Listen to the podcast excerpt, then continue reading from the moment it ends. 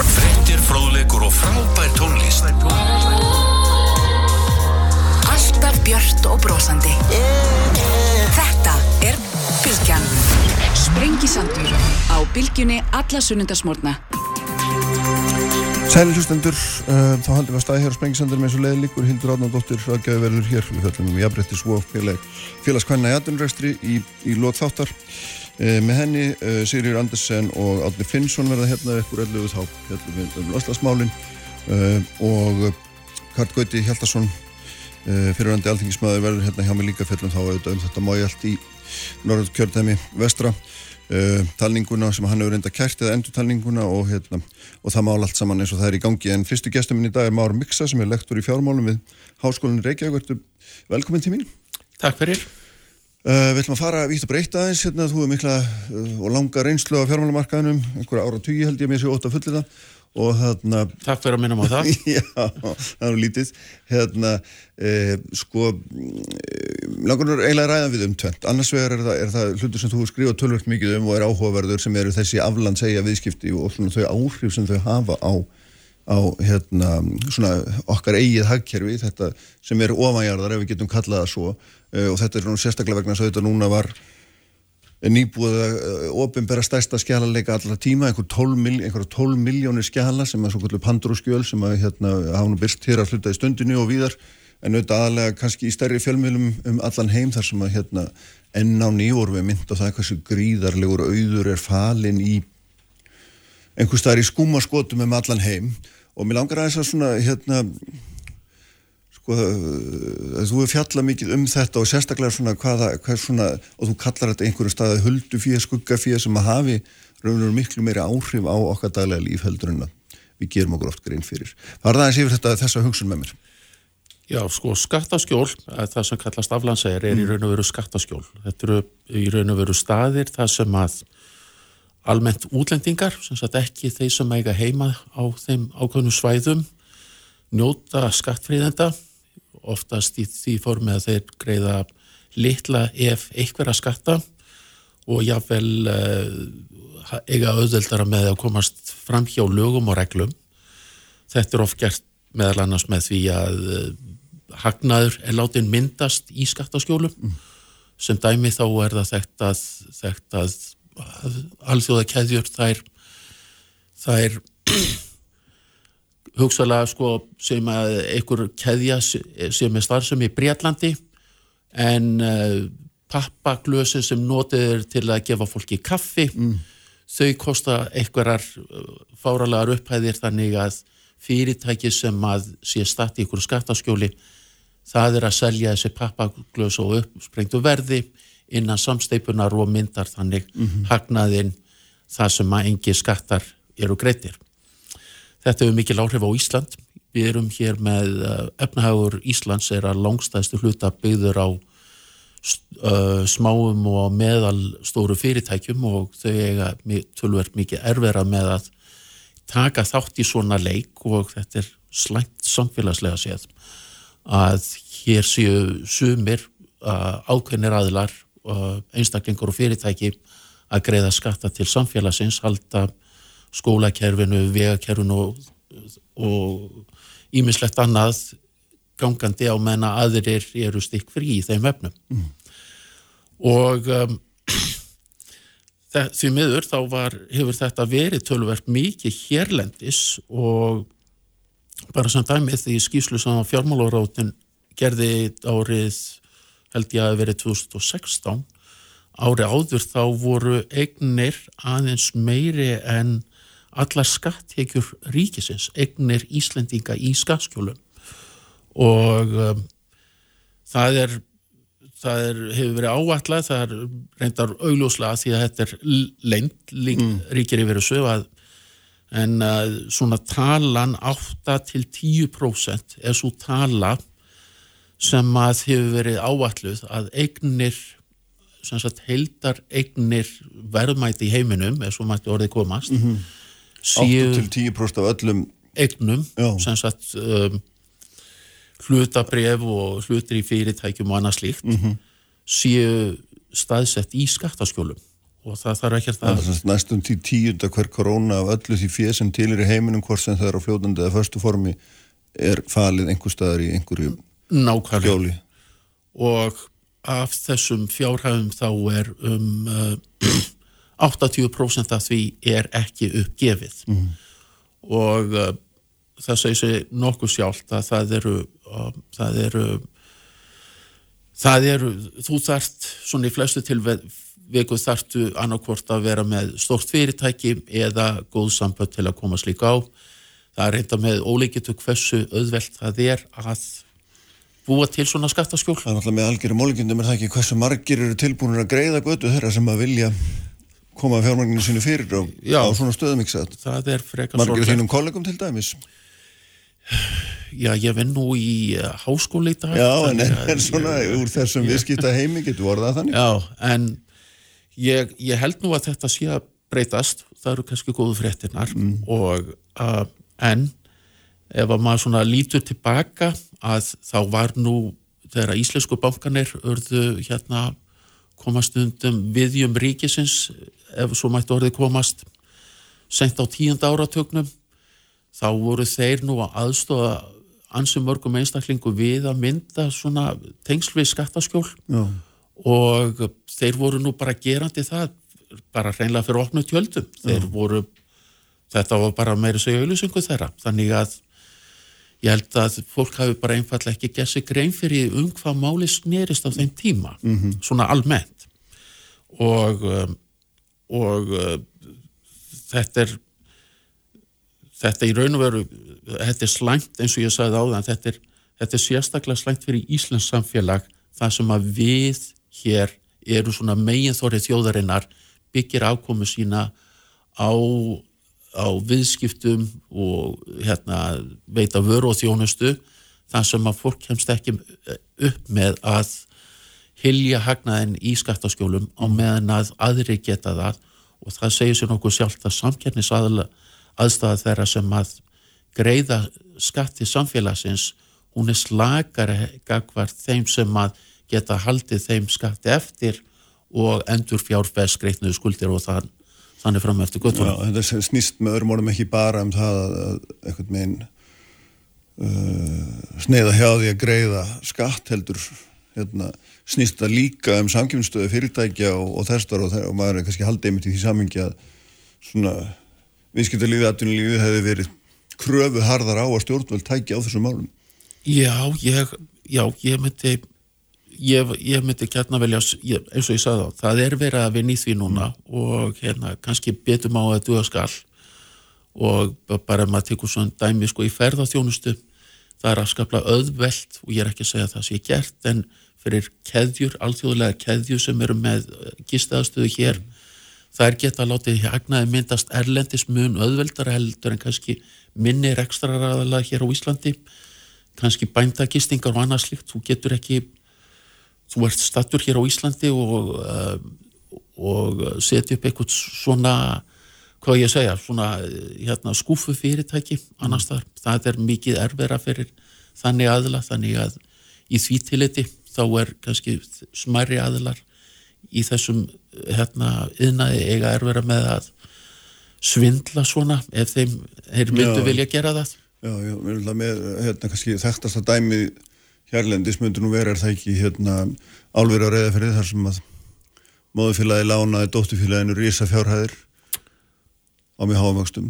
Uh, já, ég ætla nú ekki að taka afstöðu til þess einstaka máls en Nei, það er þekkt að móðufélög láni einmitt smarri félög um, smarri félög uh, sem sagt dóttur fyrirtæki pening á háum vöxtum. Þannig að vextin er þannig að fyrirtækið á einhverju ákveðnu skattasvæði vakstakostnur hreinlega get upp hagnaðinn og hérna og vakstatekjuna myndist þá í einhverju skattaskjóli. Þetta er mjög algengt. Þetta er mjög algengt. Já. Sko það sem að, þú, þú ert nýbúin að hérna, skrifa um mjög, mjög áhugavert í þessu samingi er, er, er hérna ásand Kristínu Lofsdóttur greinum það hvernig svona hvernig svona fjármagn getur seitlað út í samfélagið, í, út í líðræði raun og veru. Við erum ekki bara að tala um fjármagn sem að sem að nýtist einhverjum einstaklingum og fyrirtækin heldur, eru við að tala um fjármagn höldu fyrir kallar það sem við getum seittla út miklu víður og því takja alltaf Brexit sérstaklega sem, sem dæmi um hvernig svona, hvernig svona fjármagn er notað. Jú, jú, það er uh, það er það er, hefur verið skrifað tölvöld mikið um það að það er, það verðist margt benda til þess að Brexit kostningar uh, kostningaherrferðin fyrir Brexit hafi verið notið fyrir það sem kallast huldufíð og huldufíð er í raun og veru nokkus konar afkemi af aflandsauðupenningum að það veit ekki hvað, hvaðan fjármagnir kemur. Og í til, tilvegi Brexit þá var uh, þá var uh, andúð gagvart útlendingum mikið notað og, uh, og miklar auglýsingarherrferðir til dæmis í gegnum Facebook Cambridge Analytica, þetta hefur nú komið fram í fjölmiðlunum núna síðustu tvö ár að þar var verið að nota, þetta voru þetta dýrar auðlýsingarherrferðir og kostningalögu í Breitlandi voru þverbrotin, mm. þessu mikið mætti fjármagna eh, hérna, kostningar en þá var, það var gert að stóru hluta til með huldufið þannig að það er þannig að þessi svona aflandsæju peningur al, já, þetta aflandsæja fe er þá breytist í huldu fe að því leitinu til að það er verið að, að móta skoðinni fólks án þess að fólk kannski átti sig á því. Já bara hreinlega í langflestum tilfellum fólk átti sig ekki á því að það er verið að gera þetta. Og, uh, og móta skoðanir sem að til dæmis hafa áhrif á hvernig fólk kýsi kostningum og þannig fram eftir gotunum og uh, þetta er þetta, ef við ætlum að hafa hér uh, hafa hér svona líðræðislega umræðu þá er held til ég nöðsilegt að það sé upp á borðinu hver sé að fjármagna ákveðnar herrferðir og hvers konar samtök, hver er að kannski að fjármagna uh, málpípur samtaka mm.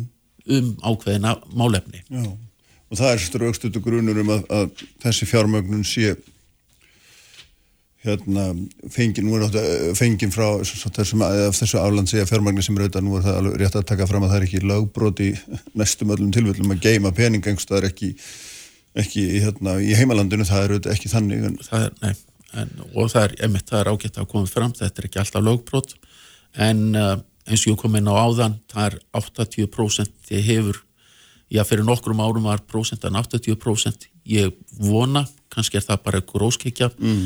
en ég vona að það, svo prósetta sé að lækka en, uh, en svona það mætti kannski segja að svona þessa nýjustu uppljóstaranir svona undistir ekki hversu viðtækt þetta hefur verið og mín er vonið svo að, að þessi svona, þessi, já, þetta kannski, ég held að það sé frekar svona almenningsálit frekar en lög og reglu sem að svona íti frekar undir fólki að taka ekki þátt í svona leik. Mm, Kannt einhverja skýringu á því eða hefur einhverja hugmyndum það hvers vegna það er það er svona auðvelt að fá tiltakna starfstittir því oftast er þetta það til þess að greiða götu fólk sem að vil heima fjármónu svona stuðum hefur veltið fyrir þér?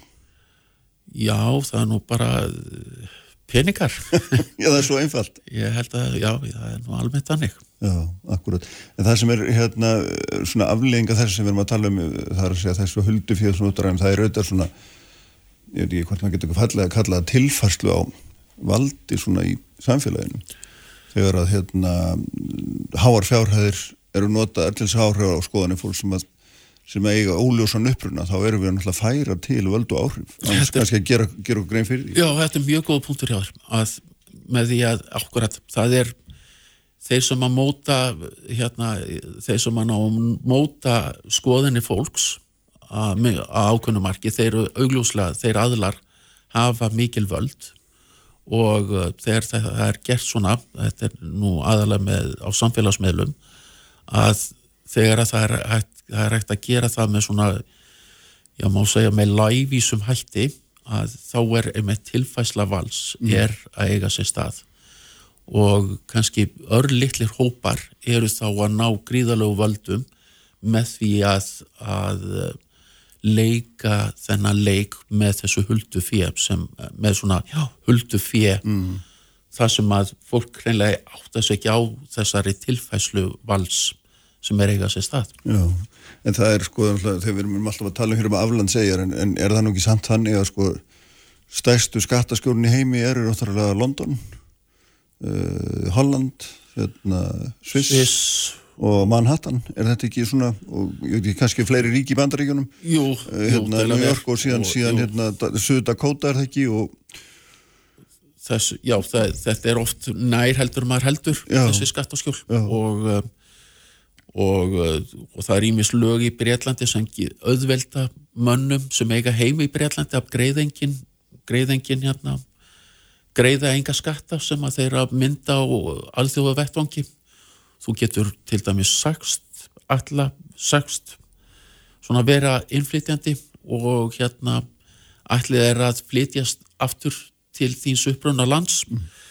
Og uh, slíkt erfist þannig að afkomendur eitthvað sem hefur sagt þetta fyrir einhverjum 20 ára síðar þeir njóta en þó þessara skattfríðanda já, þannig að það, já, þetta er oft nær heldur en almenningur svona almennt gera sig grein fyrir. Já, akkurat.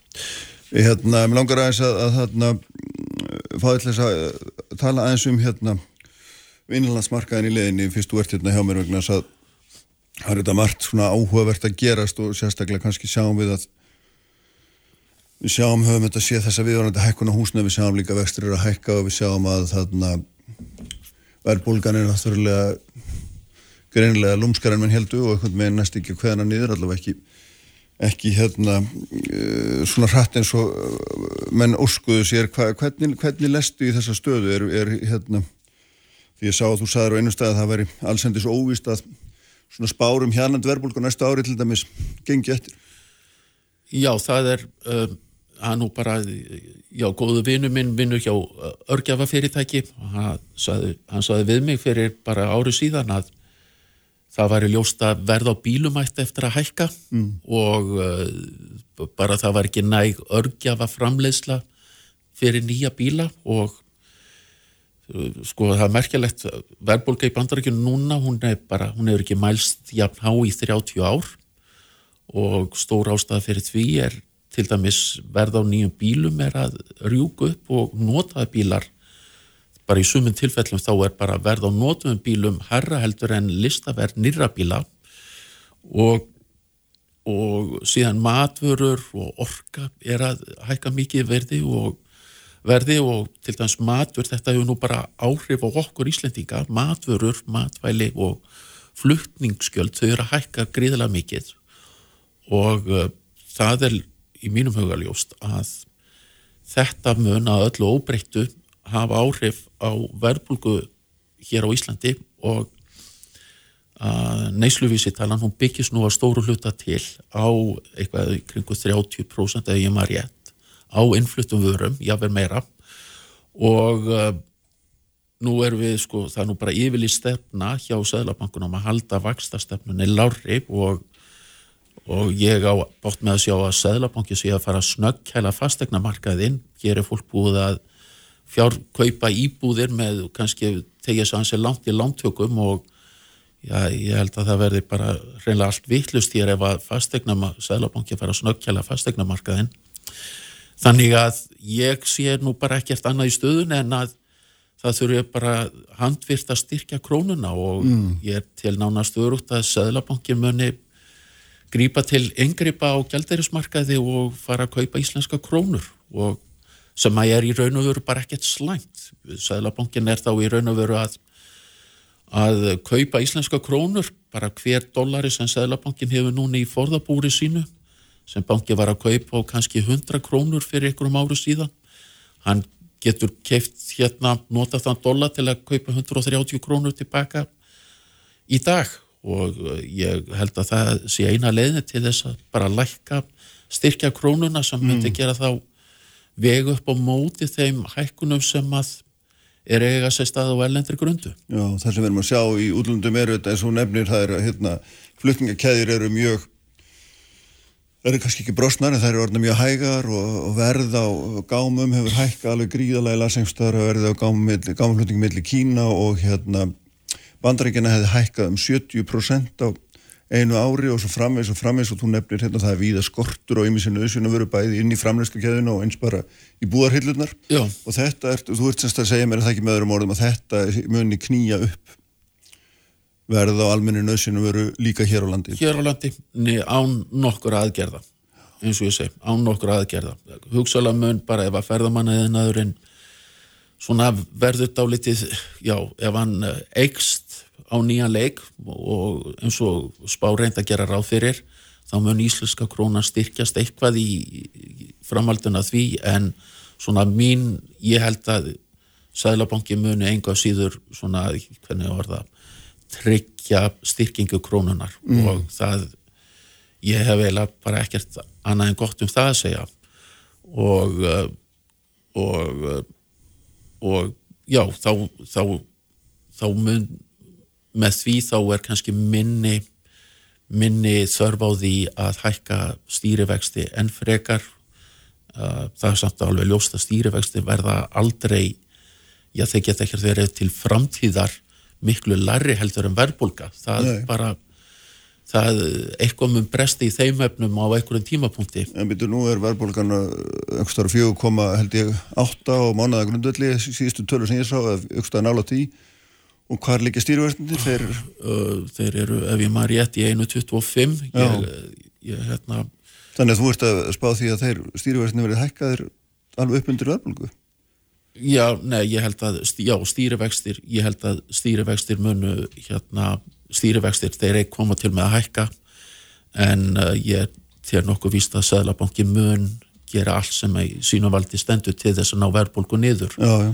Og handtægasta leðin er að styrkja íslensku krónuna. Mm -hmm. En hvað, hvað svona, því að flest eigum við hérna mest, já, langflest reyga mest undir náttúrulega þróun á húsnæðismarkaði og hérna Jú. afborgunum sínum á húsnæðislanunum og allt þetta, ég minna, hvað svona, ef þú horfir aðeins á þann hóp, svona í næstu mánuði, hvernig hérna ef við reynum að meta þá stöðu vegna, nú sjáum við líka umræðum það að það sé hérna skortur og lóðum og við höfum séð fastegna verið rjúka upp og svo framvið sko, og nú er búið eitthvað meina að læka eins þakkið á útlánunum. Jú, jú, ég, ég reyndar skil ekki þessu umræðum að það, það er nú ekkert tilviljun að skortur og sko það er búið að vera viðvarandi skortur og lóðum í mörg ára en þetta gerðist ekkert allt í einu, skorturum myndast ekkert allt í einu þegar að Sæðlabanki fór að læka stýrivexti. Það, hérna það er, það er bara ekki rétt. Bara tölun að bara segja bara síðustu þrjú ár hefur mm -hmm. þrjú fjúur ár þá er aukning íbúð á höfuborgarsvæðinu verið svona sambarileg þeirri þörf sem að aukin íbúðafjöldi uh, samsvarar. En um, það sem að kannski hefur svona sögulega séð haft mest áhrif á íbúðaverð það er vakstastig svona uh, sem svo sögulega séð til skemmri tíma. Það er vakstastig og, eh, og, eh, og bara hérna lán, bara vilji fjármálakerfisins til að lána fólki pening til húsnæðskaupa og, eh, og það má alveg bara segja það að það sé bara ákveðin fórnarkostnaður að þegar COVID skall á að þá ríkti mikil óvisa, ég minnst leðilegt að nota orðið óvisa því að það er alltaf óvisa í fjármálum, það mm. bara þegar það er engin óvisa þá hef ég nú sjálfur mestar áökjur að hérna að þegar að, að já, að framtíðar ástandi var ótryggt og hérna og þá skrúfaði Sæðlabankin nánast fyrir hérna fyrir hérna getur banka til þess að nýta það lausa fyrir sem að bankakerfið hafi sem að var og er en gríðarlega mikið. Þannig að, að þeir til dæmis þá að skrúa fyrir argreðslum mm.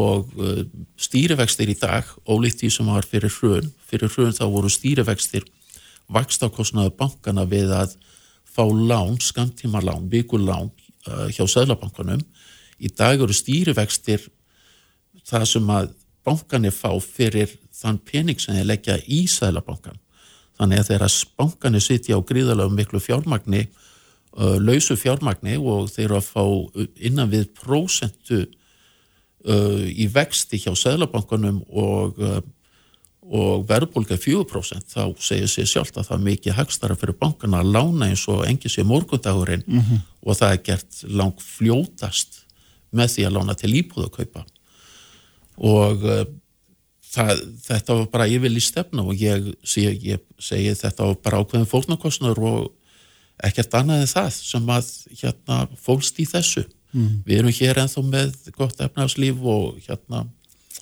og stöðugt þó svo að ferðamannagerinn sé, séu þetta í sárum Já.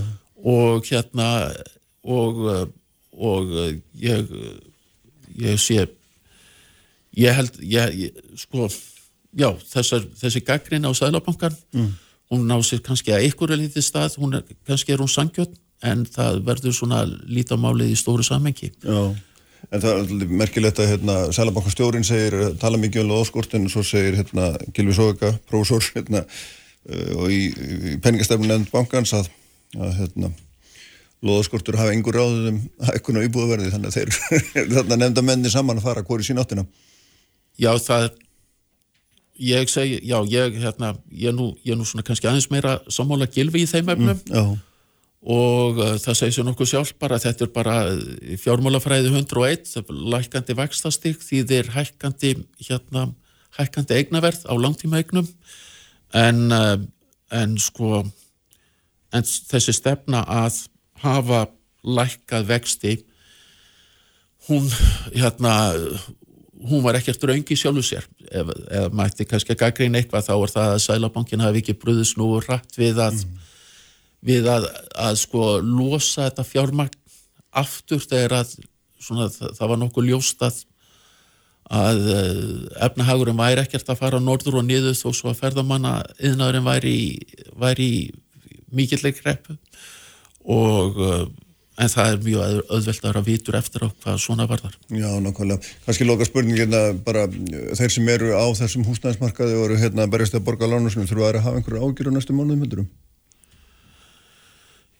Já, í mínum huga er alveg ljóst að vexti munu hækka eitthvað og, en ég ég gerir nú það auðvitað að það mun þeir sem eru með breytileg breytilega vexti breytilega mm. óvertriða vexti að þeir hérna vakstast ekki á þeim mun hækka en först þeir sem að taka fasta vexti til einhvers tíma að þeir eru hérna þeir einstaklingar, þeir eru að greiðum það byrja einn sko prósundu álag oh. fyrir þá, þá svona, já, fyrir minni óvissu í þeim efnum þannig að ef að verbulga uh, sem sagt, ef að stýrivextir hækkum 1% og eitthvað þýjumlíkt þá eru báðir hópar í svona uh, í svona svipari stöðu og uh, ég ætla nú bara rétt að vona að fjármálastofnanir hafi nú búið gæfu til þess að benda fólki á þetta að þetta verði ekkert ólíklegt að vakstasti geti hækkað á nýjanleik það uh, flestir ættu að vera meðvitur um það.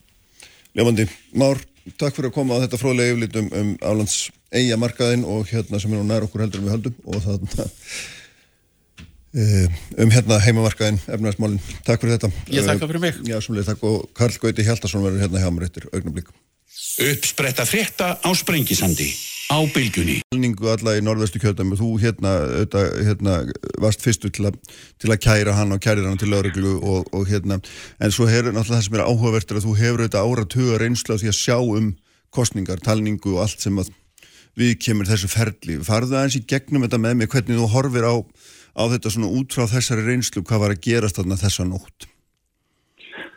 Já, það er allskeins miskilungur í gangi varðandi talningu og meðferð atkvaða, innsikli og umbósmenn og, og slíkt. En uh, þetta er mjög mikilvægt í uh, kostningum þar að segja að það sé fyllt ákveðnu ferli sem er bundi í kostningalöfum mjög stránglega Uh, til dæmis er hlutverk umbósmanna mjög mikilvægt. Þeir hafa rétt til að gera aðdóðsendir, þeir hafa rétt til að bóka, þeir hafa rétt til að bóka ágreining og meira sé að segir, segir lögunum að ef þeir gera ágreiningu með eitthvað aðrið sem þeir telli ólulegt þá er það auðvitað rétt á að bóka það. En þeir eru líka rétt á því að það fari til alþingis sem skerir það úr um lögumætti kostningana þannig að mm -hmm. alþingi er loka úrskurðaðarinn en mikið veið umbósmanna er mjög, mjög það verður ekki alls ekki vannmetið og eins og þetta gerðist í Norrvestur og við sáum mjög fljótt að umbósmenn var óhanað með bóðun og samkvæmt uh, dómi hæstæðið frá 2011 og þá var það eitt af þeim atriðum sem hæstæðið fann að við þá kostningu var það að umbósmenn voru ekki skipaður við talninguna og þá var talin verulegur annmarki á framkvæmt talningar í það skiptið. Mm -hmm. Það samir upp á tegningunum núna, þannig að menna ekki lerta þessu. En síðan var þetta talninguna sjálfa sem er skýrlega bundið í kostningunum hvernig talning á að fara fram. Þar að segja þarna koma atkvæða kassar innsiglaður og menn skoða þá bæði umbósmenn og kjörstjórnir öll og síðan eru opnaður talið upp á þeim og sannreint að það sé það magna atkvæði í þeim sem á að vera í þeim. Síðan eru atkvæði saminuð og, og talin. Þetta gerist við nóttina. Nú ef að koma upp mistök sem gerist oft þar að segja, það kemur upp, upp einhver mistafning eða, eða töluna stemm ekki. Að þá gerist það á nóttinu og þess vegna sem við lendunum stundum í að vera kannski langt fram á morgun að það er vegna þess að menn er að telja telja sér tilbaka yfir nóttina. Og þetta gerist ykkur einustu talingu og margóft stundum eh, tekur þetta stuttan tíma stundum langan. En menn hætt ekki fyrir þeim finna villuna e, í það skiptið og það hefur nú tekist hinga til eh, alltaf og það er engin dæmi en það að eftir að lokatölur hafa verið kynntar að það sé talið på nýtt. Það er engin dæmi úr alltingiskostningum. Mm -hmm. Þannig það að tala um einhver endurtalingu það ásir enga stóð í kostningalú.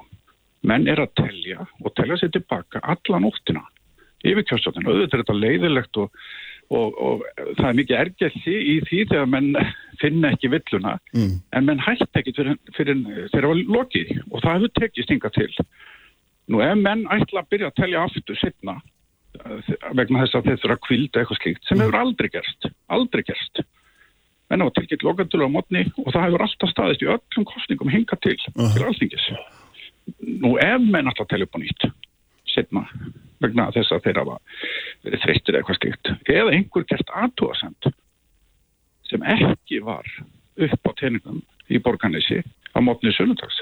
Það var engin aðtúasend sem ég hef hirt um hvorki frá umbósmönum eða kjörstjórnumannum á mótnið sunnundags. Það er engin að gera aðtúasend við tálninguna. Hún stemmir, mennur ánaður og menn gefur þessar loka tölur. Síðan eh, gerist eitthvað og eins og við höfum orðið varfið í borganessi að menn allt í nöðt í huga fara að telja og jáfnveg bara einna tveir menn sem taka það ákvörðin. Mm -hmm. Þetta er ekki svona einfalt til lögum. Í lögunum er, er talning lögbundið, stránglega og lögbundið ferli. Það þarf að auglýsa talningu, það þarf að bóða alla kjörstjóðina, það þarf að fá alla umbósmenn og ef það er ekki mæta það þarf að skipa á, það þarf að telja fyrir opnum dyrum svo almenningu getur fylgst með og síðan koma atkvæðin innsigluð sem var ekki í þessu tilviki. Þú voru ekki innsiklu hann í ykkur að fjóra-fimm tíma. Og síðan er, er innsiklun opnuð undir vökulu augnarháði, allra viðstata og atkvæðin tekinu upp og talina nýju. Þannig ætti þetta að gerast, þó þetta hafi aldrei gerst áður. Mm -hmm. Að þannig ætti þetta að gerast, auðvitað þarf að taka laugin og fylgja þeim sem ekki var gert þarna. Mm -hmm. Og það til dæmis að, að kjörstjóðnamaður sé einn með atkvæðunum og ég hafði tveir áður en kjöstótt mætir.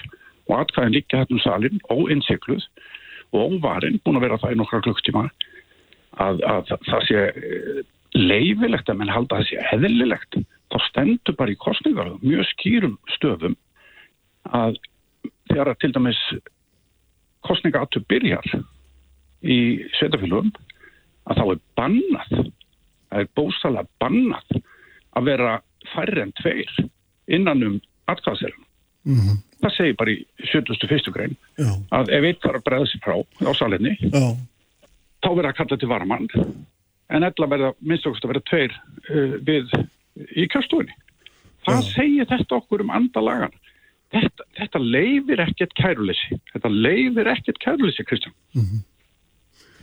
Sko, þetta, þetta sem er, þú ert að tala þarna um, eh, sko, förum aðeins í þetta hugtak sem þú notaður um villur í talningu.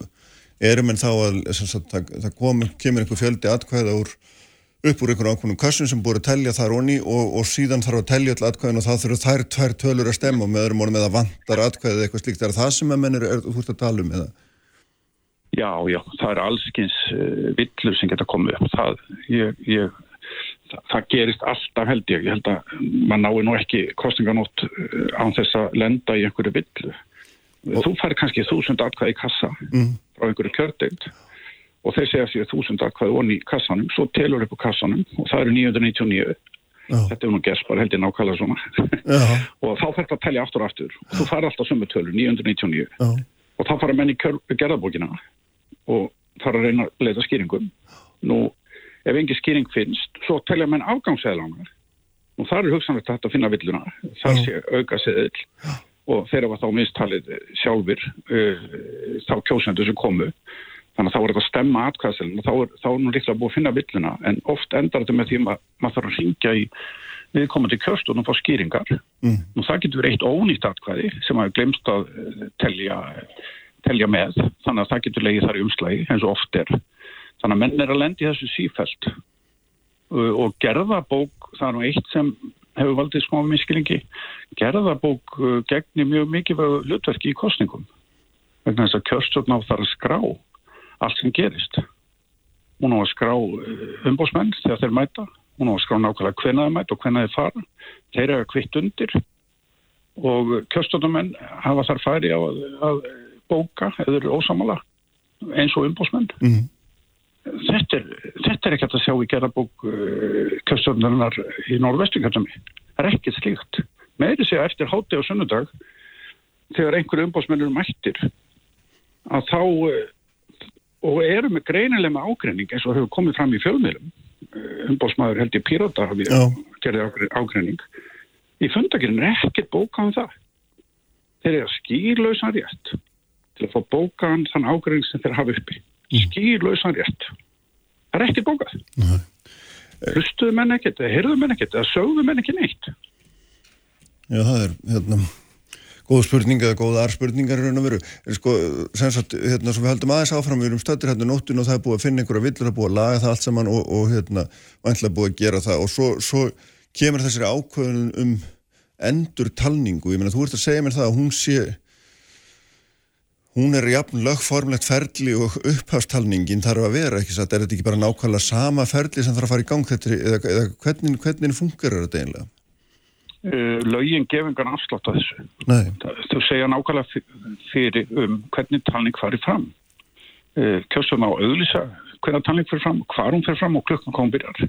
Og hafa opnað dyr og allir mættir umbósmenn uh, og kjörstjórn, auðvitað öll kjörstjórnin ekki einn maður eða tveir öll kjörstjórnin fyrir opnar ekki atkvæða kassan þetta segir lögunum. Og auðvitað verið endurtaling ef hún á að vera lögleg. Þá þarf hann að fara nákvæmlega eins fram. Það, því er ekki að hilsa hann í norðvestur en hver, hver Þannig að- Já, fyrir ekki. Ég meina, þegar þú gefur út lokatölu á mótni, eins og búið að gerast í síðustu uh, tögum kostninga til andingis, þá eru það lokatölur og þú gefur þeir ekki út nema kjörstjónin og allir viðstættir eh, samþykkiða aðtúa senda laust. Lögin segja það líka að eh, ef einhver gerir ágræning að þá hafa bókan í þess tilíkar ekki bóka hann morgunin heldur eru lokatölur gefnar út og síðan koma lokatölur öllu öðrum kjördömmum og þá liggja fyrir sangat einhverju reikni formúlum hverju eru síðan þetta, er einhverjum í huga að framkama einhvers konar endurtalingu og þetta orð endurtaling er ekki til í lögun eina endurtalingi sem uh, gæti verið til er, er svo talning sem fyrir fram yfir nóttina þegar þú ert að leita tilbaka. Mm Að einhverju- endur telli einhver, einhver, einhver, einhvern ákveðin kassa til þess að finna einhverju tiltakna villu. Já eða bunga Já, þú ert að leita í einhverju talningu þú ert með nokkra talningar yfir nóttina og það getur verið villa í þriðju talningu og þá þarf að taka þann atkvæða, það atkvæðamagn og telja það að nýju og jafnvel bara allt aftur. En þetta gerur margótt yfir nóttina mikið auðvitað eftir í hvernig þetta vinst. En þú ert að, Þetta að, þekki allir sem hafa verið í kjörstum. en þú ert að segja mér það að þetta hugtaka að telja all atkvæðin upp á nýtt eins og það kallar endurtalning þetta sé ekki til og, og hérna þínum að þetta er gennilega bara marklus aðtöfn. Þetta er ekki til í lögun Nei, en að sjálfsögðu eh, getur auðvitað komið svo aðstæða að menn eh, telja nýju vegna kröfu, einhvers sem krefst þess. já, sem var ekki, þó ekki þannig núna. Eins og um, að frambóð sem kröðust uh, því að kröðust þess að atkvæðin eru talna nýju. Og þá ganga menn að atkvæðanum þar sem þau eru innsikluð eitthvað stær í gemslu og byrja upp á nýtt þar að segja, allir mæta umbóðsmenn bóðar, auglistu stað og stund eins og gerist í söðu já, og síðan opna, opna menn innsikli og innsikli gegna gífulega mikilvæg hlutverki. Þau er eins og rauðu þráður í gegnum alla aðtöfuna, alveg frá því að prentsmiðan, prentaratkvæðin þá eru þau innsikluð undir eftirliti ráðuninsins í prentsmiðinni send til yfir kjörstóna yfir kjörstón tekur á móti þessum uh, kossum aðtúar innsiklin þá voru náttúrulega öll mætt á staðin mhm, og síðan hefur þau opnuð kassarnir, talið upp úr þeim og pakka honi, honi hérna aðra kassa til eh, undir kjörstjórna, þar að segja sveitafélagana og innsikla yfir kjörstjórn. Síðan koma þessar undir kjörstjórnir og ná í sína pakka innsiklað, fara með það heim og síðan á kjördegi er það opnað að mótni til þegar, eh, þegar kjörfundu byrjar. Og þá erum allir mættir kjörstjórnamenninni þrýr skoða innsiklinn ásamt umbósmennu lista ef þeir eru mættir. Og það er ekkert að opna á fyrr. Síðan byrja kostningaturinn og þar er alveg skýrt eh, tekið fram að menn með ekki eins og yfirgefa stofuna nema einn í einu. Já, vegna þess að það er hver maður að gæta félagasins já, og þetta er umbósmenn lista líka mikilvægur hlekkur. Þeir eru að gæta gæta að kjörstunamönnum og þeir geta kvarta og gert ágreining og sendt hennan ágreining til alþingis já, sem sker úrum eins og segir lögunum. mhm. En þessi, Síðan er- já, Síðan að loknu kostningu þá er, þá er þetta innsikla kassarnir uh, í sveitafélagunum. Uh, þeir koma með það oft á tíðum til yfir kjörstjórnar þar sem þeir eru að telja innsiklað og þá býða um, umbósmenn listana og kjörstjórnarmennitir eftir kossunum aðtú innsiklinn og bókastundum um þau að telja eitthvað innsikli sé kannski brotið upp úr því eitthvað slíkt. Þetta er alltaf verið að gera þetta í hverju einustu talningu. Svo geta menn allt í hennu dottið eitthvað annað í hug sem ekki á sér neina lagastóð. Það er algjör fyrra, Kristján. mhm. Þannig að þessi ákvörun um endur talningu, það er hverki skilgreint í raun og veru þá hvernig svo ákvörun er tekin, það, meina, það þarf einhver að kvarta en að, ef það gerir það engin þá, eins og ég skil þig, þá, þá er engin ástæða til endurtalningar. Er, er það ekki rétt skilja mér? Orðið endurtalning er ekki til í kostningalóðum, bara sem dæmi, en auðvitað játa ég það að það sé hægt að telja nýju. já, já, Þá þurfa líka, líka að fylgja lögum já, og þá þurfa atkvæðin að vera trygg. já, til hvers að vera tryggja atkvæðin? Alveg fara á prentsmiðni í gegnum hendur yfirkjörstjórnar til sveitafélagana tilbaka til yfirkjörstjórnar í talninguna og telja þau. Og síðan uh, slitnar þessi keðja uh, á milli eftir loka eh, talningu þá slitnar keðjan þannig uh, borganessi Mhm. því skildum við leifa það öll þessi sterka keðja hún sé slitin á einu stað já.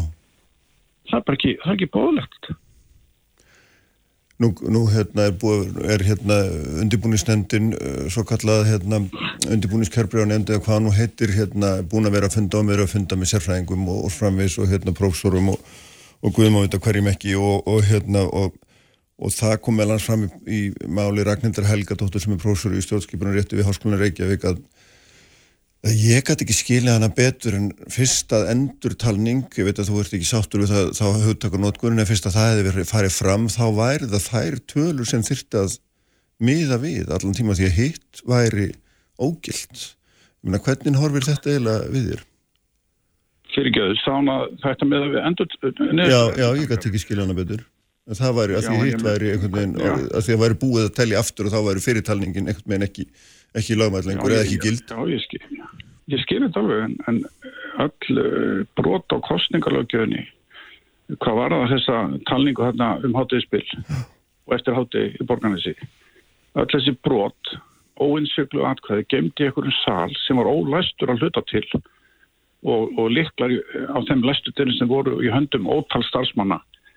Eh, eitt kjörstjórnum að mættur á staðinn það er innan um kjörgagnin í hálftíma aðlein inn í salnum og síðan eru þið tveir í einhvern klukkutíma þannig að kjörstjórnum mættir bóðun umbósmanna uh, í Lamassassi þeir umbósmenn sem ekki mættu þeim var ekki skipað slíkur úrskurðir um ágreiningsatkvæði vegna að þetta breytast einhverju tugir atkvæða Mhm. Og þá þarf eh, líklega yfirkjörstjórn að úrskurða eitthvað atkvæði sem á að vera í einhverju bunga að færast yfir í næsta. Þessir úrskurðir eru framkvæmdir ánum bósmanna uh, vitandi að hvert einasta atkvæði skiptir öllu máli um úrslitin. Mhm.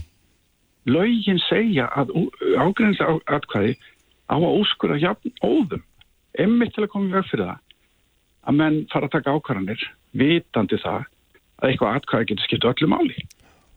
Þetta er allt brotið í þessari svo kallu endurtalingu. Hvað, hvað, Sko, hér, þau, mm, já, þau fyrir ákvæði kostningalögum sem, sem voru brotin, það tekur langa tíma að telja upp. Já, Þau eru svo mörg. hvað, hvað, og, og menn, menn alltaf stiðast við þetta. Sko, atkvæði sem er ekki innsikluð og liggja svona eins og þarna var, þau eru því miður, alveg sama hvað mönnum langar til að gera, mm. þau eru því miður ónýtt. þannig að það allaveg væri ekki hægt að hérna, telja í þriðja sinn til þess að meina gangu skugga um annu hvort fyrirtalningana væri rétt. Það myndi ekki, ekki gangu upp á þínum að því. það er búið að eigðalegja uh, atkvæðin í þessu kjöldami. En talningin um morgunin og lokatölur gefnar út um morgunin aðtóða sendalaust af öllum viðstöldum eins og lögin segja, Já, skýrt. já, Þau segja það að uh, þegar búið er að telja atkvæðin þá að kunngera þeim sem viðstöldur eru undir nákvæm eftirliti umbósmanna eins og var gert um nóttina og engar hattusning voru mm. og þessar tölur gefnar út þetta morgunin síðan vegna feril, þess feril sem gerist eftir það þá er búið að eigðalegja ónýta þessi gögn það er að segja atkvæðabungana þannig að það getur enginn í raun og veru treyst í að ekki hafi verið átt við þessi atkvæði Og þann var að finnst þér að tólka já, hverju eiginlega í hag? Að, uppkostning eða hvað, hvað eiginlega á að hvað, hvað, hvað er svona eðlilegt að gera það? með við skýrleika lagana Mm. eh, að þá, þá er þessi atkvæði ónýtt eh, eftir klukkan eh, áttu morgunin þegar síðastu maður yfirgefur, þá er það ónýtt Eh, hvað sem okkur být líka betur eða verð hvað er hægt að gera? Það er, það er nokkur nokkur leiður það er nokkur leiður lögin gera ráð fyrir að alþingi sker úrum uh, lögumætti kostninga og, og uh, lögumætti kjörbrefa líka vegna þess að kjörbrefanend úrskurar eftir hverju einustu kostningar atkvæði, ágrænisatkvæði uh, á milli lista þar að segja, hún tekur ákvörðunum að eitthvað atkvæði að fara til E-lista en ekki F-lista, eitthvað slíkt. Og þetta gerur hún eftir hverju einustu kostningar það hefur bara aldrei gert hinga til að það hefði skipt máli varandi uh, þingmanna fjöldan eða, eða einhvern ákveðin þingmann. En ef það myndi nú gera þetta einn að þá myndi kjörbrið viðkomandi að sjálfsögðu verið, verið ógilt og nýtt kjörbrið gefið út í staðinn Mm.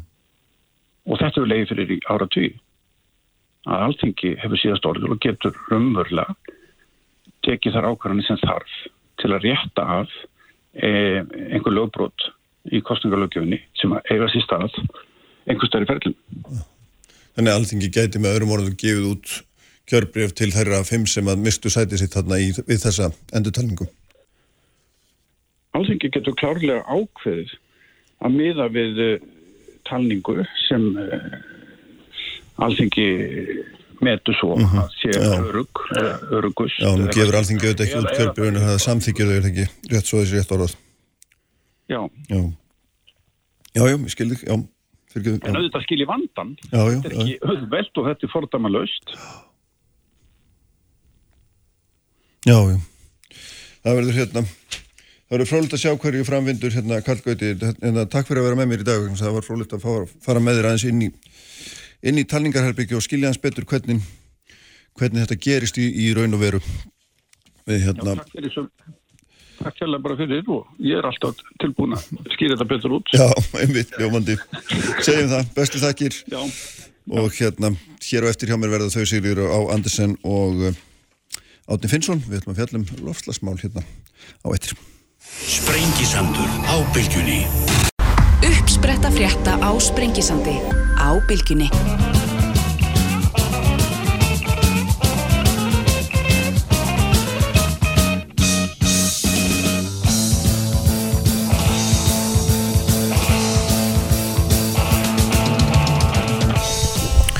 Sælilustendur, þá er hann farin frá mennan Karl Gauti Hjaldarsson eftir uh, yfirferð eða minnstústi frá hans bæjardýrum og því hvað gerðist þarna í norðu kjördæmi vestra, norðvestu kjördæmi uh, aðfara nótt sundagsins 27.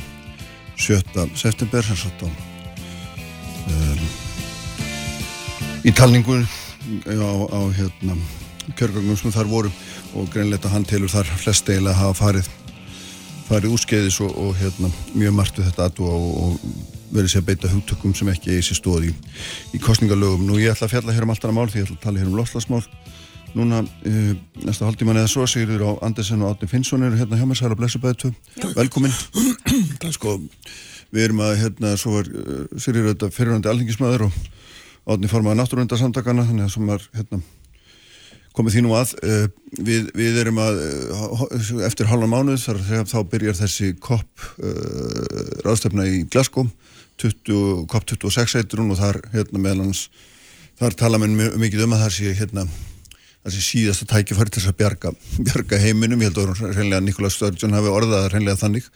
Og hérna og nú erum við líka hér á Íslandi að, með Arctic Circle ráðstöfnuna venju og, og svona margt að gerast í þessum málum og, og, og og þetta er svona skiptir ma- miklu að hvernig á málum er haldið og, og svona þess vegna fannst mér svona áhugavert hérna, Sigriður aðeins að fá því inn í þetta vegna að, að þú ert eða nýbúin að fá svar frá Íslenska fjármálránundinu við því uh, í hvað eða hva, hvernig þeir miljardar sem við höfum sett í niðurgreislur á allum rafbílum og tvinnbílum og öðru slíku hafi gagnast okkur í baráttunum við lofstafbreytingar og, og hérna, þú fullir að þeir hafi ekki grænan grunuða þeir viti bara ekkert hvort að þetta hafi nýst eða ekki og þannig að svona í þessu samingi þá er þetta að því þetta er svo mikilvægt að þá er mjög mikilvægt líka að það er ráðstáni sem gripið er til svo ég maður sér nú frá mér allt vitt þarna að við vitum til hvers það leiða Já, það er rétt, það er nú ekki, ég er kannski sem er að fullir að, að við vit- höfum ekki hugmynd um þetta, ég var reyndar að mér reyndar á óvart að ég skildi ekki fá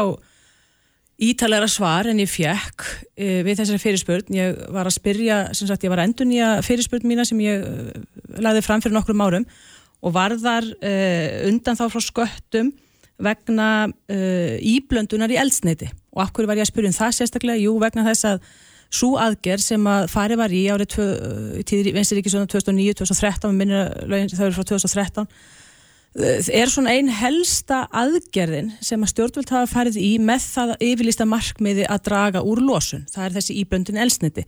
Svo kemur síðar inn uh, aðgerðin sem lítur að niðugreðslu á, á gjöldum, virðisökaskatti á, á ramaspílum til, undir fórskriftin sko, orkuskipti í samgöngum. Það er önnur aðgerð með yfirlistu markmið um losun um, um, samdrátt á losun CO2 og þess vegna spurði ég um þetta og ég kom nú til þín eitthvað tíman held ég voru eða síðasta vetur Kristján og var að ræða þessi mál það sem hefur gerst eftir þetta. Ég, að, ég átti nú samskipti á þingfundi við umhverfisráður og spurði einmitt um uh, hvernig menn sæju fyrir sér þessi 60 miljardar sem væru núna eirnamertir lofslagsmaðgerðum uh, á næstu fimm árum hvernig þeir myndu skila sér í losun og CO2 og hann viðkendi það uh, alveg heiðalegu með það að hann hefði ekki uh, sko, gæti ekki útlista það. Það væri verið að skoða það núna. En uh, síðan leggir fram þessa fyrirspurn og spyr núna þá eftir, aftur í tíman og býst þá auðvitað við að menn hafi nú haft tíman fyrir sér núna, minnst síðan 2013 til þess að leggja þetta aðeins niður fyrir og það kemur bara hérna reynilega fram, það er ekki það er tekið það djúft í árinni hérna með að segja bara að það liggi ekki fyrir upplýsingar um samdrátt, samdrátt losunar og CO2 vegna þessari íviluna og þess vegna er ekki hægt að reikna kostnað ríkisins eða stjórnvalda, skattgreðenda per CO2 tonn. Og uh, sko það kemur á óvart segja en þó í sjálfu sér ekki vegna þess að menn uh, hafa svo sem viðkjönd það að ef við tökum bara til dæmis síðan rafbílana Akkur er ekki hægt að segja hversu mikil umskipti, nú veitum við hversu margir rafbílar hafa verið fluttir inn, bara reyn, reyn rafbílar, mm. uh, hversu margir bensínbílar, hvernig þessi skipting hefur farið fram, akkur er ekki að rekna þetta, það, menn viðkenna það þó í þessum bransa, ég má orða það þannig, að það er erfitt að rekna kólefnisspor rafbíla. Uh, það fer auðvitað eftir framleyslu landi, uh, hvernig, hvernig kólefnissporið, hvert það er þegar það kemur hinga til Íslands, Þannig að menn vilja hafa, hafa farið varlega í þetta. En ég, mín skilabóð með þessu eru bara þau, hins vegar, að meðan að þetta er ekki hægt að upplýsa um og menn átta sig ekki á þessu og, og í einhverjum tilfellum verðist þetta að vera meira svo þannig að það er ekki einu svona að festa fingur á þetta í grófum dráttum. Að þá þurfum nú menn að stíga varlega til jarðar, sérstaklega í ljósi þess, sem ég veist bara skipta mestumáli í þessu, er að 80-90% af heildar orkunótkun Íslandinga er af endur nýjanlegu hérna, orkugjöfum mm -hmm og uh, að því þú nefndi kopp hérna á þann og ég skilja búið mín til Nigel Sturgeon, það eru náttúrulega þau að, að hún sem leggur miklu ásláð það þurfa að koma eitthvað út úr þessari ráðstöfnu ég get sagt við hana bara strax, það mun ekkert koma út úr þessari ráðstöfnu, það er alveg búin von. En við eigum að fara á þennan fund og þeir sem ætla að fara á hann, ég nú setið, setið svona ráðstöfnur og ég veit ekki hvort ár, árið er að fara. Með þau skilabóð að ef öll ríki væri nákvæmlega eins og Ísland í þá væru við ekki að halda þessar ástöfnu Mm -hmm. Ísland hefur ekkert að skamma sín fyrir í þessum öfnum og við hefum að fara með þau skilaboð á ráðstöldum sem þessa og uh, líka uh, þau skilaboð við séum tilbúin til þess að aðstóða önnu ríki við að koma sínum málum á hreint en við uh, eigum ekki að fara í þessar aðgerði sem við höfum verið að fara í og það kemur fram í svarinu mínu hérna þetta eru sko 5 miljardar á ári sem undan þá er frá vaski er til tiltekina bíla það eru sko hérna 2,5 miljardur sem er niðurfælling af vörugjöldum og lífelsnæti á ári, þú veist þetta er komið upp í 7-8 miljardar á ári sem er alls konar einhverjar ívilnanir og niður, niðurgreðslur til tiltekina í neyslustýringu mm. sem er að hafa eh, minnst mjög óljós áhrif mm -hmm. á losun uh, CO2 og Íslandi og samdráttin mm -hmm. og ég veit alveg og ég trú ekki að vera náttúrulega sem samála mér í rauninni líka uh, sko hverfandi áhrif -hmm. Hvernig slæðir þetta þjóðni hérna, því að við erum í þessu barat, miklu baratu sem við erum millum, ég held 99% okkar samála við þurfum að, að hérna, standa í og, en við þurfum alltaf að vita svolítið hvað við erum að, að gera og hverju aðgerðina skila ekki svo. Akkurat, ég held að þetta svar fjármjörðara segja okkur það að Bjarni Bendisson er ekki mikill leita í loslasmálun þetta er leilegt svar mm -hmm. og ég get benda á að 2000, voru 2017 var samtækt tingsálutuna til að um orkuskipti og eftir nokkra tilhörnu þá komst einn þar e, málskrein sem segir að, að e, reikna skali út áhrif orkuskipta á samdrátt í losun. Og við gengum nú eftir þessum daginn með brefið til umhverfisraðara og höfum fengið svarum að það sé verið að vinni í en þeir vita það ekki. Mm -hmm. þannig að stórurtar fulleringar yðnar á þeirra og annar af um að orkuskiptin sé að frelsa okkur frá frá uh, losum gróðursloftu enda um, það byggir ekki á nefnum útrækningum Við vitum svo sett ekki Nei, ég held ekki sko, ég held að það sem að orku fyrirtækin er að slá út og landsyrkjun allar að virka fyrir lofsleið en við þurfum alltaf að vita hverju þetta breytir. Við menna að þurfa þessu orku? Þarf að virka meira fyrir fólksbyrja á Íslandi, ég held ekki. Ég held að, að það geti alveg gengið að, að, að kera ramaspila á þess að virka mikið hér á Íslandi, allavega ekki neinar neinar þrjú til 600 megawatt að virkja eins og samarka við talaðum þannig að þetta er þetta er gallin að, að sko og þetta komum fram í skýslu sem Kapasend gerði fyrir lofslagsráð eða reynda sér umhverfisráðan hún hefur verið gerð fyrir hann en kemur mjög skýrt fram að stjórnsýsla lofslagsmála, hún er mjög göttótt og það segir reynilega ef að þessi stjórnsýsla batnar ekki, þá getur við aldrei staði við þær skuldbindingar sem við ætlum að standa við. Þannig að mér finnst svarið til Sýriðar vera bara til marg sem það sem að mér eru þótt ábrendur engi að fjármjörður ántið er ekki að gefa upp neina skýra tölur. Kanski vilja það ekki, ég veit það ekki en um, þeir eru ekki að gera það. Mm.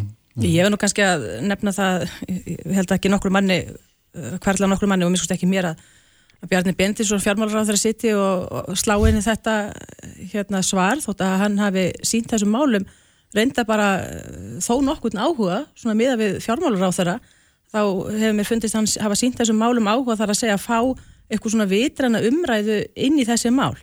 Uh, og ég held að þetta svar sé bara byggt eins og mitt svarið fyrra, við fyrir fyrirspöldum minni fyrir nokkrum árum byggt auðvitað á gögnum frá umhverfisráðunitinu líka og, og fleirum. Og uh, mér rekur nú minni til þess að því að áttin sittur nú í lofslagsráði mér rekur nú minni til þess að það hefur nú eitthvað verið drepið á þessi skýslu fyrir nokkrum árum hjá lofslagsráði þessum sko útreikningum á hvað aðgerðnar skýla sér. En það er greinilegt þannig minnst ástu að menn treysta sér ekki í dag alveg til að standa við þær tölur. Og ég skil það alveg uh, hérna upp á vissu marki. Mm -hmm. og ég bara draga það fram að meðan að svo er að þá er, finnst mér óforsvaralegt að eigða 20 miljardar af skattfíja uh, þetta, og þetta er sko það sem að bytna nú helst á kannski heimilónum í landinu og litlum fyrirtækjum. Og ég reyndar ánað með að sjá það að ASI hefur nú tekið þessi mál til dæmis uh, til um, umræðu hjá sér og er núna einmitt að leggja áherslu á að til dæmis þessi orkuskipti öll sömul þau verð ekki þannig að þau leggist bara fullum þunga með skattgreðslum á heimilin í landinu, fólk sem er háð því að eiga enga bíl, uh, kaupin og helst ódýrasta bílinn sem er, er á svæðinu sem er bensínbíl, lítill sparnitinn bensínbíl uh, gleymum því ekki og það kemur fram í svarinu hérna, og það er áhugaverst og í hvert fólk bíl á menna að fletta þessu upp og maður geta setja á heimasíðinu minni. Það sem verður að bera saman sko, innflutningsverðið á ramaspílum versus bensínbílum og við sjáum það að rafbílarnir eru frá einum, tveimur til þremur miljónum dýrari í innkaupum heldur en sparneitin bensínbíl. Ég nefni þetta því að menn tala oft, já er þetta ekki þjóðaslega hagkvæmt að, að nota rafmagnir? Það er ekki endilega þannig, menn þurfa aðeins að mhm. líta á heildarmyndina í þessu. En ég sammála átna líka uh, með þetta að það er sko fulleringar um það að uh, það þurfa að virkja, það sé mjög nöðsynnt að fara að virkja fljótlega fyrir orkuskipti. Mér hefur vanta svolítið svona raukstöðning undir það. Ég, hef, ég er ekki nokkur um vafa um að við munum þurfa meiri raforku hérna í framtíðin og það kemur, mun koma eitthvað tíma þörfa á virki, tala hann ekki um þessari orkukreppu sem að virðist alltaf verða mikil í Evrópu, er orðin mikil, við veitum ekki hversu viðvarandum verður. Þá er auðvitað ekki útiloka menn leitið til landa eins og Ísland get, Íslands og Noregs sem að geta bóðið upp á reyna orku, uh, enduníðanlega orkugjafa til þess að knýja ykkur að framleyslu áfram og leitið til, til þessar landa með ykkur að framleyslu og þá auðvitað þurfum við að taka afstötu þess hvort að við viljum auðvitað taka þátt í því og nýta okkar öðlindir í þessu, öllum til hagspóta hér. Og ég held að það komið á endanum auðvitað eh, upp eitthvað þörf til þess að virka, en hvort það er nákvæmlega fyrir hérna þótt að við færum öll á morgun uh, núna á rafbíla þá er ekki vissum að það þurfi að virka fyrir það þá, þær aðstæður sérstaklega. Nei, ég meina þetta, ég fari ofti yfir þetta þetta er hverfandi sem þarf til að knýja bílaflótan sem hlutfall af heldinni sko. en þarna, það er svona að því að þetta er þetta sko Þetta er ágætist dæmi þessi, þessi hugmyndum okkar, okkar um bílana því að það er svo afmarka dæmi. Eh, það er svo, það er svo, ætti að vera svo auðvelt að nálgast þannig að þegar við erum að horfa á lausnir miklu, á miklu starri skala þá hlýtur óvissan um aðgerðir og, og það er svolítið að vera ennþá meiri, er það ekki? Já, leið mér aðeins að fara inn í þetta politíst. Ég vil meina það að í síðustu stjórnumynduna vera millir Vafki framsóknur og sjálfstæðarflóks þá hafi Vafki ekki fengið neitt nema kannski peninga. Þeir fengi engar uh, uh, skuldbindingar um hvað þetta gera. Jú þeir fengu svo meiri fjárframlög en, en uh, engil sérstök markmið. Það stóð bara í þessari stjórnar stefnifylýsingu að Ísland á að ná 40% samdrætti en á að ná því þeir svo sem ekki neitt. Og ég held að skipti miklu máli núna en þess að nú vera að semja nýja stefnu yfirlýsingu og hvað verður í henni? Verður eitthvað meira, verður eitthvað með skýrum tölum um eh, hvernig er hægt að draga úr losun? Sko vegasamgangur er sá póstur í Íslandi sem losar mest. Og þess vegna er mjög gaglegt að færa sig yfir í rafmagnir en það eru dýribílar og flestir meðlumir ANC hafa ekki efna á að köpa sér slíka bíla mm.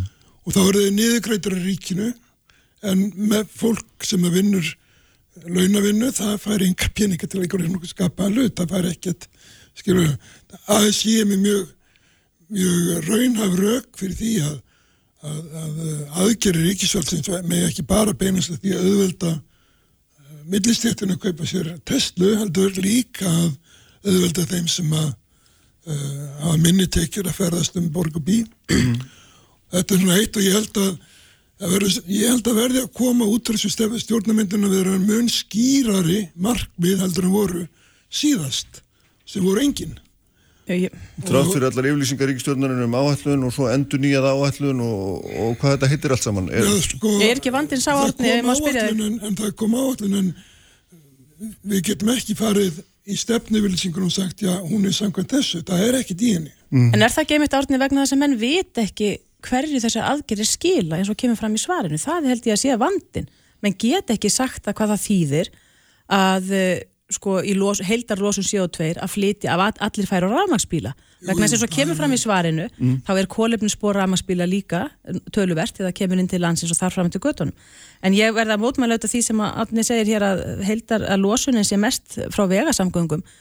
Marg, ég hef marg eh, hérna, eh, ítrekað þrástagað hérna, uh, að heildar, heildar losun Íslendinga, hérna, heildarlosunin er bara 6% frá vegasamgöng frá enga bílunum er það bara 4% og þá, segir, þá sem við náttúrulega segja þetta er ekki, þá erst ekki að horfa á losunina sem er á ábyrð stjórnvalda. En það er einmitt skúespilið í þessu sko leikritið í þessu því meður að menn eru búin að flokka þessa losun sumir á ábyrð stjórnvald og sumir ekki ábyrð stjórnvald bara eftir hvað hendar hendar losunni en nú horfum ég bara þannig er hann búin að semja um þetta. Já ég veit það. Og, og það var ramt að gera það. Það var held ég mistum að gera það. Hann gerði það reyndar ekki átni en nei þetta var nú þetta var, í, þetta var nú í tíð fyrir ríkistjórna og það var aðri sem að sá um það hann er búin að vera ríkistjórn síðan 2014 öllu falli, öllu falli mm. þá likur það bara fyrir að heldar og hann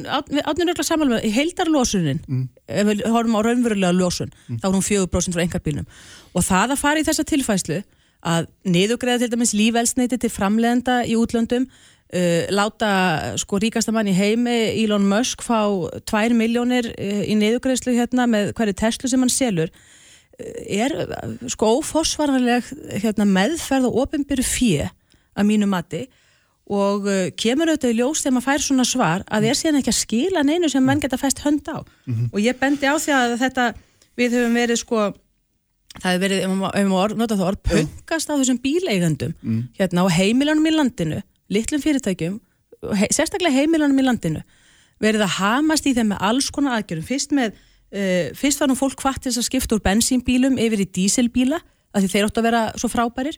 Nú er komið í ljósa að, að það var raung neyslustýring og, og díselbílunni menga, það er hættulegri mengun Uh, síðan var farið í þessa íblöndun og nú er það fordæmt, nú er íblöndunin fordæmt að sama fólkinu og setti lögin 2013. Það var þingsálutunum til að löð fram á þinginu núna í vetur það sem var stjórnvöldur hvað þess að banna íblöndun með tilteknum efnu vegna þess að auðvitað hérna átt, hafa menn átt að segja á því að það verið að riðja skóa og annað og, og, og, og taka matvæli frá hunguruðu fólki til að setja í eldsneiti mm -hmm. hérna upp á Íslandi. Þetta er þetta fráleit og núna um áramóti næstu, núna uh, mun það gerast þriðja, þessum mennur að bakka í þriðja sinn frá þessum aðgjörðum er að það verða, verða afnuminn skattfríðindi af tengiltvinn bílum hversu langt er síðan að tengiltvinn bílar voru lausnin og allir kvatti til að kaupa sér tengiltvinn bíla vegna þess að þeir voru svo umhverfisvænir en núna um áramjótin fellur niður þessi, þessi skattaífunum vegna þess að núna þykja þeir bara ekki lengur umhverfisvænir Nákvæmlega. ég menna það er ekki hægt að bjóða þannig. með landinu upp á að vera Já, brúður Já. í þessu leikriti uh, stjórnvalda og þeirra já. sem, að, sem að fljúum allan heim á þessar ráðstefnur hérna, og víla það ekki fyrir sér og Nigel Sturgeon var nú mættust manneskja hérna eftir, uh, með flugvilinni sinni hérna á fund eftir að hafa lokað uh, landa sína inni í marga mánuði það var hún mættust hér að ræða og, og segja öðrum fyrir um hvernig þeir að haga sér í lofslagsmálum Já. Þetta var langulestur, hérna, en eh, hvað finnst þér um þetta? Ég meina, við þurfum að, sko, svona spyrja bara aftur, það er nöðsynlega að vita svona cirka í hvaða, hvert aðgerir er að leið okkur, eða eigum við bara að, hérna, vegna sem við vitum að vandin er mikill að, hérna, gera svona það sem við cirka heldum að sé best. Ein leiðin er náttúrulega klárlega þess að, að, að tímabundið niðugreiða þá bíla sem minga minnst og uh, það hefur verið gert. Eins og það hefur ríkstöðin þessi og þær sem voru undan henni, þær hafa ekki viljað hækka gjöld á mengun, það er að segja frá á bensín og á stærri bíla sérstaklega, vöru gjöld á stærri bíla og ég held að þetta sé algjörlega nöysilt að gera til þess að stýra neyslunni frá eislufrökkum bílum yfir í reyna bíla, ef maður getur sagt svo. Og það hefur þessi ríkstund ekki vilja gera og sennilega hefur Bjarni ekki stuðning við það einan sinns flokks. En og kannski hefur Katrin ekki heldur svo mikið stuðning innan síns flokks en þess að margir vanstri grænur út á landi vilja ekki hækka bensingjald eða kólmiskjald en um, Af hverju ætli það sé? já vegna þess að það verður aðeins dýrar að keira að sjálfsögðu og ég, mér finnst svolítið gleymast í þessari umræðu að fólk er ekki sko að ganni sínu að uh, kaupa bíla sem að menga miklu. Og ég, ég ber, hef mikla væntingar til orkuskiptana í samgöngum. Ég held að þær gerist þær munu gerast uh, og jáfnvel fljótlega en þær gerast ekki með neyslu stýringu eða aðgerðum stjórnvalda. Þær gerast ekki á koppráðstefnum í Glasgow eða öðrum koppráðstefnum. Þær gerast í tækninni hjá bílaframleiðendum vegna þess að fólk byður um þetta. Það er eftirspurn eftir þessu og líka í sjávarúti. Það er ekki engin útgerðamæður sem hefur sérstakann áhuga á að menga eða kaupa mikla ólíu og eigða mikill ólíu vegna sem hún kostar. Þannig að uh, ég bara vil draga þetta fram að, að það er ástæði fyrir því og mér finnst þessi þessi, hvað á maður að segja, uh, skömm sem að verður að reyna að va- varpa yfir á, já eins og kannski, ég veit ekki hvort Árni ætlaði að gera það, en þetta kemur á svolítið út þannig að vinstri grænir út á landi, þeir standi í vegi fyrir einhverjum frábærum framförum. Uh, Það er auðvitað ekkert þannig, ég meina fólk bara þarf að nota sína bíla. Nei, nei, það er ó- óþarfi að ásaka vinstri hreyfindralandi, ég byrst afsökun á því, en, en sem sagt, það er samt greiðilega anstað innan þessar ríkstjórnar við þessa aðgerð sem er farin í Svíþjóð, Nóri, Danmörku, fleiri löndu sem við berum okkur saman við. Mér langar að spyrja því að hérna, að við þurfum að fara að ljúka, sko, hérna, að því að Sirius sagði hérna að hún hefði enga trú að því að nokkuð skapaða hluti gerðist að þessari ráðstefni í Glasgow sem að, hérna, tekur nú daggóða stundar, ekki hálfu mánuði sem hún stendur yfir, eitthvað tíða lengur jafnvel.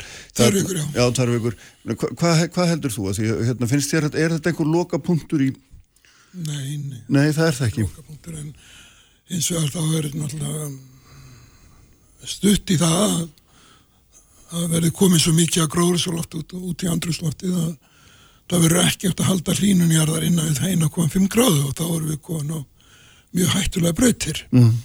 Það er ekki að góður andi í þessum viðræðum núna eins og var fyrir París 2015. Kanski voru samningaviðröðar þá betur skipulaðar. Bandaríkinn beitti sér mjög mikið, til dæmis frakkar. Boris Johnson verðist nú vera frakkar slakur í, í þessu málum eða við sem kollegi hans í Fraklandi voru á sínum tíma. Ég veit það ekki, ég held að, að sko eh,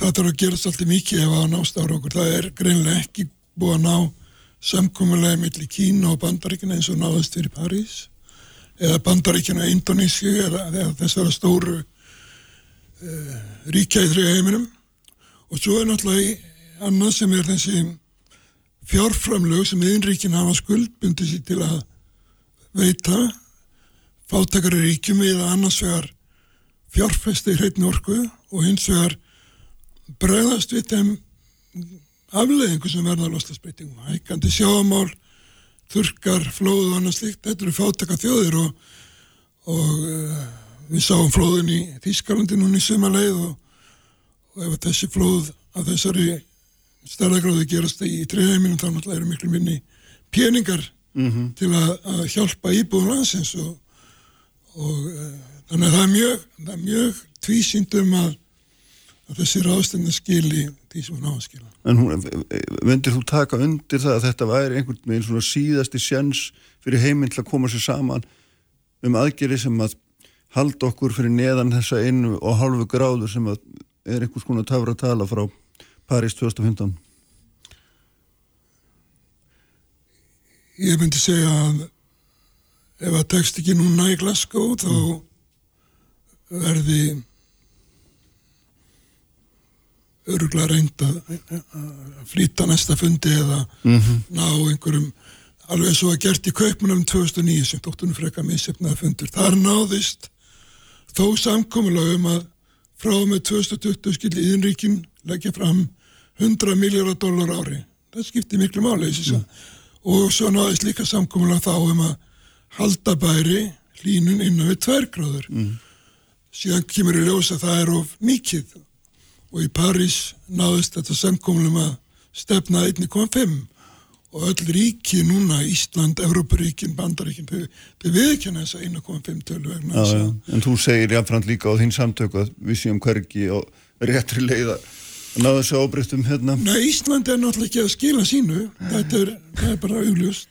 Mér finnst náttúrulega ekki hægt að Já, segja að Ísland sé ekki að skila neinu þegar Ísland er með 80-90% uh, hérna, hlutfall af endun í enn orku. Og meðan þetta hlutfall er í Evrópussambandslöndunum 17% og markmið Evrópussambandsríkjana er bara að koma sínu hlutfall upp í 30% og við Ísland erum með 80-90% hlutfall. Við erum að fara, ég ætla ekki að taka þessa fundi af embætismennum og ráþurum og kampænsklúbunum Þú þeirra. á þessum- fundum, má, má ég nefna það? Ég ætla ekki að taka þessa fundi, mm. af því það verður annar fundur það verður alltaf annar fundur og nóg til í þessum samtökum eins og, eins og víðar. En við höfum að uh, mæta á þennan fund og bera höfuð hátt og benda heiminum á þetta og hjálpa öðrum ríkjum að laga sín mál eins og við höfum verið að gera út um víðaveröld í Asíu og Afríku, í jarðheitaverkefnum fyrirtæki á Íslandi og stjórnvöld sem hafa verið að styrkja það. Við höfum fullt erindi inn á þessa fundi með slík skilaboð en ekki með sömu skilaboð eða og taka okkur sömu byrðar og lönd eins og Þískaland og Frakland og önnur lönd sem eru hérna með þetta uh, í, í, í láginni hjá sér endun í hlutvall endun í Þetta hennar er bara skilabóðin sem Ísland hefur gefið í 20 ár án þess að draga úr losun. Við erum, sko, heyrðu okkar losun og okkar orkuskipti fórum fram fyrir árið 2010 áður en allir þessa aðgerðir byrjuðu. Sko frá 19... Sjávarútvegurinn er maður benda á, dró úr, úr losun sinni frá 1990 um 40% án aðgerða. Loka orð, já. Ég þetta er að gera betur en það. Herðu, ljómandi, takk bæði tvö fyrir að koma. Hildur Átnardóttir verður hérna hjá mér. Við ætlum að fjalla um jafnbreyttis og félagskvenna í aðunrestri. Sprengisandur bylgjunni Ertu Réttir þjóðmál og pólitík. Sprengisandur á bylgjunni. Sælilustundur þau eru farin frá mér Sigurður Andersen og Átni Finnsson eftir fróðlega yfirferð um eitt og annað sem að tengist hérna loftasmálunum uh, og raun og veru þeirri þekkingu sem höfum á þeim aðgerðum eða áhrifum þeirra aðgerða sem við grípum til og, og verjum miklum fjármunum fjármunum í þetta var hérna hefur fróðlegast yfirleita en sestur hjá mér Hildur Átnardóttir sem er eh, ráðgjafi fjárfæstir en hér sem uh, formaður nefndar félagskvenna í atvinnurestur um jafnbrettis og ég er þetta nokkuð rétt sem við sælum blessa og velkomin Blesaður, takk fyrir. Alltaf að jafnvægis og FKA. Já, það og er nafni, F- nafni sem FKA. við notum á þessu verkefni. Já, nákvæmlega. Og þið voru með fundi í síðustu viku og voruð að byrta nýja niðurstöður á, á því svona hvernig hvort okkur miðaði eitthvað í jafnbrettis átt í, í viðskiptaðunulífinu og sérstaklega í svona efstu lögunum og það verður nú bara eiginlega segjast eins og er það ekki að okkur miðar ekki neitt ef, maður, ef, ef, ef markmið er að jafna hlut kynjana þá miðar okkur bara ekki neitt. Já, það, það má kannski segja það, en hérna, við erum svona með jákvæmna leiðaljósi í þessu Já, já. og, og það eru yfir 150 fyrirtæki sveitafélag og stofnarnir sem taka þátt í jafnvægis og FKA Ok. Og af þeim þá fengu 53 viðurkenningu á ráðstefninni þannig 14. oktober síðastlegin Og sem þýðir nákvæmlega hvað, fyrir hvað? Þetta er svona, þau fá viðurkenningu þessi þá 53 fyrirtæki, þau hafa náð því að sagt, auka jafnvægi kynja í efsta lagi stjórnunar hjá sér Já, en auðvitað er alltaf uh, svo hættað fyrir hendi að þau fyrirtæki taka þátt sem að kannski standa sig vel í já, þessu já, einmitt efni nákvæmlega, hinn hin, hérna láti ekki sjá sig. Já, en hva, kannski- hvað þarf maður til þess að fá viðkynningu? Þarf þá hlutfall að vera 40-60 eða er Já. eitthvað ákveð? Já, þá ertu komið með 40-60 Já, í, eh, sem sagt, uh, þegar tekið saman stjórn og framkvæmdastjórn já, Þannig að þetta efsta lag stjórnunar sem sagt, fyrirtækis sem gildir í þessu -hmm. Og markmið jafnvæðisvoðar er að virka svona íslenskt viðskiptalíf til þess að vera fyrirmynd jafnbrytis fyrir aðra þjóðir. Já, og við gerum það einmitt með því að veita viðkjöningar og draga fram í, í, í sviðsljósi þessi fyrirtæki sem að standa sér vel og, og gerur ráð fyrir að það verður þá kvartning fyrir aðra til þess að setja sér að minnstu kostið markmið í þessum efnum. og hefur það gengið eftir, finnst þér? í það mættu þetta ganga hraðar. Það er Já. alveg pláss fyrir fleiri aðila til að taka þátt í jafnvægisvoginni akkurat, þetta er verkefnið er, þetta er tíu ára verkefni. Já, sem byrjaði, það byrjaði 2017 þannig að árið 2027 þá erum við með þetta markmið að, vera, að að ná 40-60 hlutfalli í efsta lægi og, og við eigum alveg tölvert í land með það. Þetta er bara 150 aðilar en, en þetta er áhugavert að hérna, kreditinfo mætti með greiningu. Já. þeir eru nú svona kannski með stærsta gagnabankan fyrir Íslands viðskiptalíf. Og þeir tóku svona þetta yfirliti við þúsund stærstu fyrirtækin og þar á, á þessu ári hafa ráðninga kvenna í franganda stjórastöðu verið 20% það er ansi hægt, það var 24% sko árinu 2020 þannig að ok, við, okkur miðar aðeins aftur og bak núna. Já, og ef við ætlum að ná þessu hlutfalli árið 2027 þá held ég að hlutfall kvenna nýráningum þurfti að vera 70% bara Já, strax til, já. að, til að ná þessu hlutfalli. Það er sko, auðvitað hérna, ég veit ekki, minnst alltaf ágætt saga sem ég kann, af því ég var næri nýjað þegar að nýji landsbankin svo kallaður var endur nýjar og fekk nýja bankastjóra Steinþór Pálsson og þá bara ákvaðan það. Það verða bara fjóra konur í framkvæmdastjóru og fjóri kallar og kvika bara ekkert frá því. Og mér sem var það þannig bara morgunni sem átti að ganga frá þessu þá hætti ein kona við bara og, og þá bara fann hann næstu en fór ekki í næsta kall skilur og þannig að þetta er bara ákvörun þetta er bara ákvörun um það að þú ætlar að gera þetta svona. Og þetta er auðvitað alveg hægt að, Al, algjörlega, þetta er nákvæmlega það sem við segjum. Við erum reynda búin að nota í þennan titil sko núna tvö ári röð á rástefninni jafnrétti er ákvörðun. Já, það þarf bara að taka þessu ákvörðun. Og við segjum við viljum auðvitað virk- virka krafta sem flestra það til hagspota fyrir okkur öll. Og þú ef að segja, já þú minnst kostu tvöfaldar möguleikan á því að ná í gott starfsfólk. Ef þú hefur augun opinn fyrir því að ráð, ráða fólk af þessum, báðum, báðum þessum kynjum. Og eins og einn fyrirlesarin sagði sko, fjölbreytt teimi eru skemmtilegri teimi og þetta er vegferð sem að teku tíma en við hefum ekki að sína þessu neina sérstaklega þólmaði nei. En hvað, þú veist, ef maður horfir á einmitt að því við tölum, við tölum um þetta efstala við tölum bara um sem forstjóra fyrirtæki í kaupallinni það eru töluna 19 kallar ein kona Nákvæmlega. og það er svona, ég meina, manna, sko Þórildur Þorleistóttir talaði stundum um fyrir galanda, hún talaði stundum um að það var svona tákgrannar konur. Ef þú settir eina konu inn einhvers staðar þá gæti menn farið að tala um svona jafnari stöðu, þá hún væri svona ták Tákræn, já, Já. já, þetta, þetta er alveg þekkt sko, það er hérna í Noregi voru þetta kallað gullpilsin, já, það voru sett inn ein kona í, í stjórn og þetta var, svo, þetta var ekki fjölbryttur hópur hvenna sem að náði því náði að komast í þá vinnu. En, en það er alveg, þetta er bara það þarf að setja þetta á dagskrá og við þurfum að tryggja bara jafnbrytti og fjölbrytni og til að komast á þann stað að þetta verði ekki tákræn, þetta verði bara eðlilegt og þetta sé alltaf haft í huga í hverju einustu ráðningu að við ætlum að vera með hérna, fjölbreytt og gott teimi mm. Það, það, það skiptir mestu máli veist, eins og við, við segjum hérna á sko, menna, að þú lítur á heimsmarkmið saminuði þjóðana, sjálfbara þróun sko, þá er jafnbreytti kynjan alveg sérstætt markmið ásamt markmiðum um atvinnu og hafust og, og, og nýsköpun svo nokkur atrið sem við nefnd og það eru greifjandi áskorunni í lofslagsmálum eins og konu já. varum við að ræða hérna áðan sko, sjálfbara þróun og ýmsar lausnir og það er alveg klárt að við þurfum bara á öll okkar hæfasta fólki að halda sko, hvaða sem það kemur.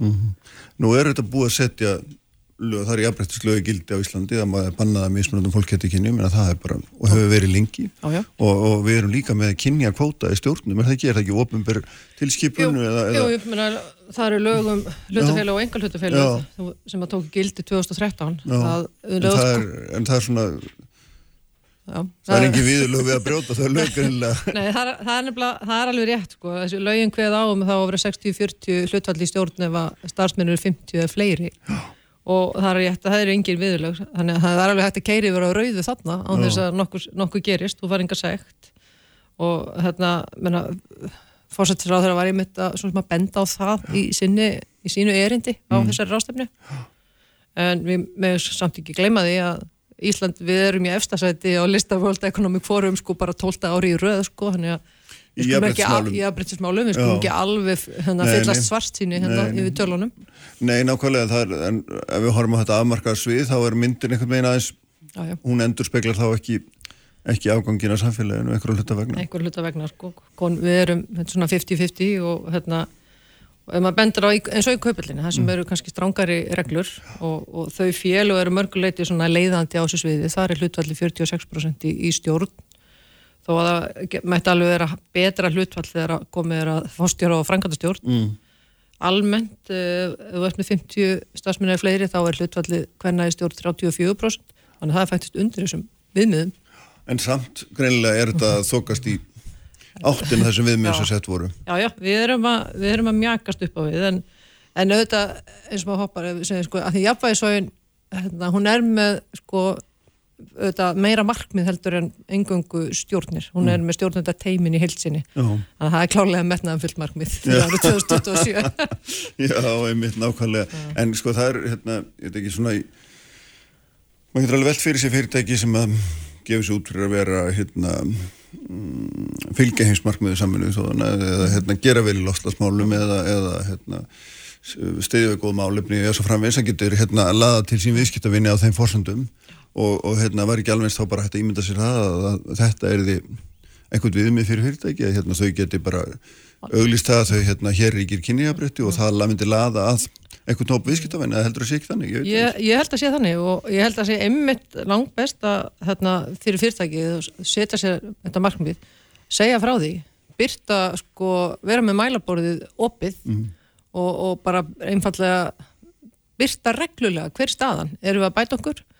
Og það er alveg dæmi um svolítið fyrirtæki sem að hafa sett sér markmið um að auka, veist, að auka fjölbreytni í sínum starfsmannahóp og, og það kom um á ráðstöfnunni hérna í síðustu viku þá var Jón Björnsson hjá Origo með hérna, erindi um það hvernig Origo hefur, hvaða leið þeir eru að fara núna. Og þetta er náttúrulega bara frá, frábært og, og, og við sjáum að þarna, kannski eins og segja, þessi fyrirtæki kaupöld, þau eru oft svona fyrirmyndir á þessu sviði, en það er linda líka komin sko reglugerð þar í hérna, leiðbyrningum stjórnarhætti. Stjórnir eiga að setja sér stefnu um fjölbreytileika sem nær til sko stjórna og frangatastjórna þannig að þetta er allt saman þvinguð viðbröð þannig séð. Já, þetta er að minnstu kosti e, svona, þetta er, þetta er allavega komið svona veistu, leiðbeiningar. já, fólki hafa verið bent góðfúslega að þetta fara einhver aðra leið.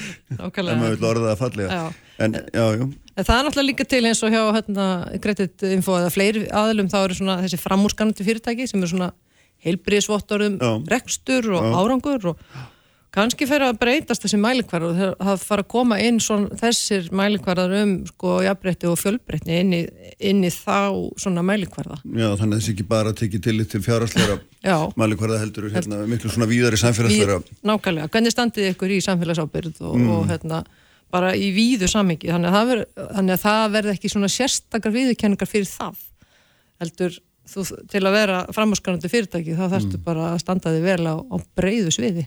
en hafið þið einhverja hugmynd um það hvernig svona stjórnar þáttaka eða stjórnar setta begge kynja í fyrirtækjum mótast af þessum kynja skipta vinnumarkaði sem við erum augljóslega bara ennþá á Við, höfum ekki, við, við sjáum, ef við lítum á svona allavega framkvæmdastjóra, þá er hægt að taka svona greiningar eftir atvinnugreinum og þar eru, þar eru alveg klár svona skipti að, að konur eru meira í svona á heilbriðisviðinu, mm. félagslega sviðinu á meðan að, kallmenn eiga svolítið hérna, framlýslu sviðið þann, þann hluta uh, sjá líka í ferðarþjónusta og svona afþreyingar með hærra hlutfall hvenna sem frangatistjóra heldur en, heldur en margar aðra greinar Mhm. þannig að það er klálega aðeins svona að þetta mótast að einhver leita því hvernig svona hvers konar starfsemi er undir.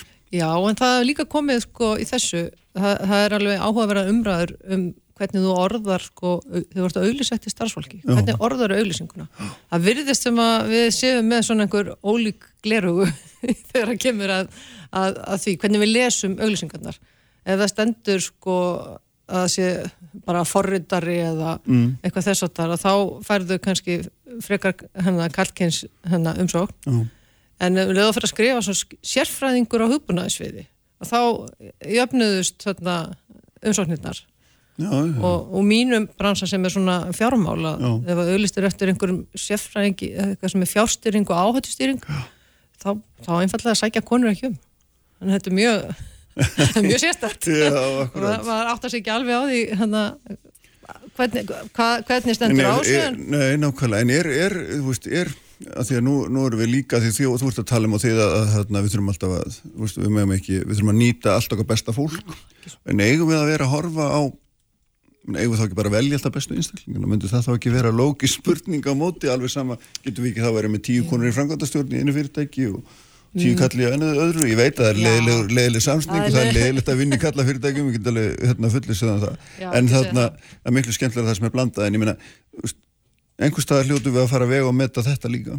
Ja, við, ég held að við séum nokkuð samfærum það að það er fjölbreytni sem við viljum fá sko, þegar þú átt að leysa, leysa einhver flóki verkefni alveg á saman hvaða sviðið það er þá er, miklu, þá er betra að fá sko viðþorfið frá og fleiri netni átt, það er bara þessi hætta ef, að, ef þú ert með tíu konur eða tíu kalla, Mm. veist að það er hérna þetta er ég held að fá- fáir ekki alltaf bestu niðurstöðuna og, og þetta með að finna besta fólki það er, það er klálega áskorun sko, en, en þú eru þá, það þarf að þess að sækja þarna, það þarf að, kannski að leggja meiri áherslu á að leita að besta fólkinu þannig að það er ávinningur í sjálfu sér af það að blanda er ávinningur í, í Já. sjálfu sér sko. ég held Já. að það sé bara algjörlega al, alveg klárt sko. Og fær bara betri ákvarðantöku og það eigur þá verðmættasköpun og, Mm. og þú veist, þá ertu komið með fjárhærslegan ávinning og, og til viðbóta bætist þannig að kannski aukinn starfsána sem er líka gott Já, einmitt. En hvað, hérna, hvernig, að ég veit að svona yfirborðinu þá fáið þið alveg mjög jákvæð viðbröð hjá öllum köllum við þessu og þeir segja að þetta er ægilegt og við þurfum að laga þetta en svo, svo kannski svona á baku tjöldin er það eitthvað öðru hvernig, hvernig lestu það Menna, þetta er náttúrulega viðþór sem ræður því að Já. þetta er eins og það er. Ja, maður, einmitt. Maður fær alltaf þessi viðþorfa, viðþorfa að það, bara, það þurfa að laga þetta og eru ekki á góðum stað og eitthvað svo leiðis en, en við, við vitum að þetta er alveg þetta er auðvitað bara það, það þarf að vinna í þessu. Þessi, þessum og það er einhvern bent á það hérna á ráðstöfninni síðasta 50 dag það er kannski til ímsa leiðir til að bæta svona kynja halla þú veist það að þjálfa starfsfólk og, og bara einfallega gæta að því að þetta sé alltaf rætt. Í hvers skipti sem þú ert með einhverja ráningu eða einhverja skipulagsbreytingar þá ertu alltaf með sko, þetta sjóna með upp á borðinu. Það er til ferlar líka vera með artaka áallun, vera með stefnum fjölbreytileika, gagsæi bara að hafa þetta ofinbært, hvert er markmið hvert eru við að stefna? Og, hvern, og, og eru við að komast þangað? Mm. og þá farið við leið sko, þá er farið að íta á því sko annar staða frá veist, og svo er náttúrulega bara þessi fyrirtækja menning hún Já. reyna að vinna í henni. Og nú við sjáum líka í þessum hérna, samfélagsábyrð að þeirri, þeim málum að fjárfestar eru fannar að horfa á þetta Já, líka, þannig að þetta, það, þetta kemur úr sko fleiri neitt átt sko. Já, ég held að þetta sé ekki engungur hérna konur að tala um, um jafnbreytti við konur eins og hefur oft verið á svona rástöfnum já, nei, ég veit nákvæmlega að, hérna, nei, það er auðvitað, auðvitað er það alltaf þannig á endanum að money talks eins og sagt er ef, ef að fjárfestar farin í fyrirtæki sem það sem að þeir telja ríki sæmilegt kynniðabrætti þá hérna þá mun fyrirtækin fari þá oft. Það segir sig einhvern veginn sjálft er það ekki? Jú, ég held að það sé alveg, alveg sjálfgefið sko. og ég held að við hefum alveg rosalega góða möguleika hérna á að að komast svona á mjög góðan staði þessu. Menna, atvinnum þátt að hvenna hérna hún er með hæsta sem gerist í heiminum. Við erum bara nál- 70 og þetta ekki, 78% eða eitthvað við erum örglega hæst þar á lista OECD og það sem meðaltalið er 57% og þeir spurja okkur bara, veist, bara hvað eru það að gera þarna á Íslandi sko? hvernig komist þið á hann að stað Mhm. en auðvitað er líka, við erum svo fá við verðum bara að nota allar hendur sem við höfum já, já.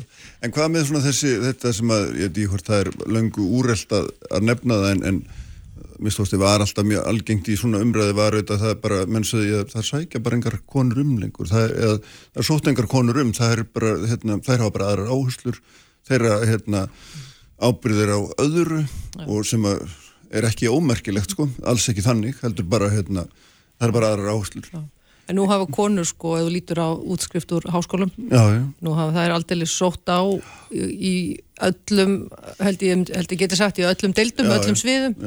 Þannig að Það er ekki fleiri í öllu nema Þessi- bara rétt í verkfræði Jú, einhverjum slíku. eitthvað, þess að þannig að þessi mýta um skort á konum, hún er kannski eitthvað sem er að hverfa. Já, en til þess eru ráðningarstofur. Og, og þessir hérna, eins og við segjum, þessir hausaveðarar þeir hafa alveg hérna, lista af, af nöfnum hjá sér sko mm. þannig að það stundu þarf það er rétt að stundu þarf að hafa kannski aðeins meira fyrir þessu en allavega sjálfsagt að koma alltaf að hérna, svona nöfnum karla og kvenna í þessa því þennan svona þennan hóp það sem verið er að ræða um mögulega einhverja mögulega fórstjóra eða frangatastjóra já. Ég held að við höfum að nóg að taka Já, nákvæmlega. Herri, ég held við látum þetta verða loka orðin, amen og eftir efninu. Hm. Takk fyrir að koma Takk hérlega fyrir og verðum að láta sprengisendurum lokið í dag. Ívar Davíð Haldursson stýriði útsendingu eins og hann gerir æfilega og við vorum að venja á bylginu og svo vorum við líka á vísi.is þar sem að hérna, við erum í beinni vef útsendingu tiltölulega nýskjöð og við veitum ekki alveg nákvæmlega hvernig við erum að hafa okkur en en vonandi er þetta nú samt allt í lagi. Uh, allt efni má finna á vísi.is og bylgjan.is og hvar veitna það sem við finnir hlaðvarp og svo verðum við með ykkur aftur eftir viku verið í sæl.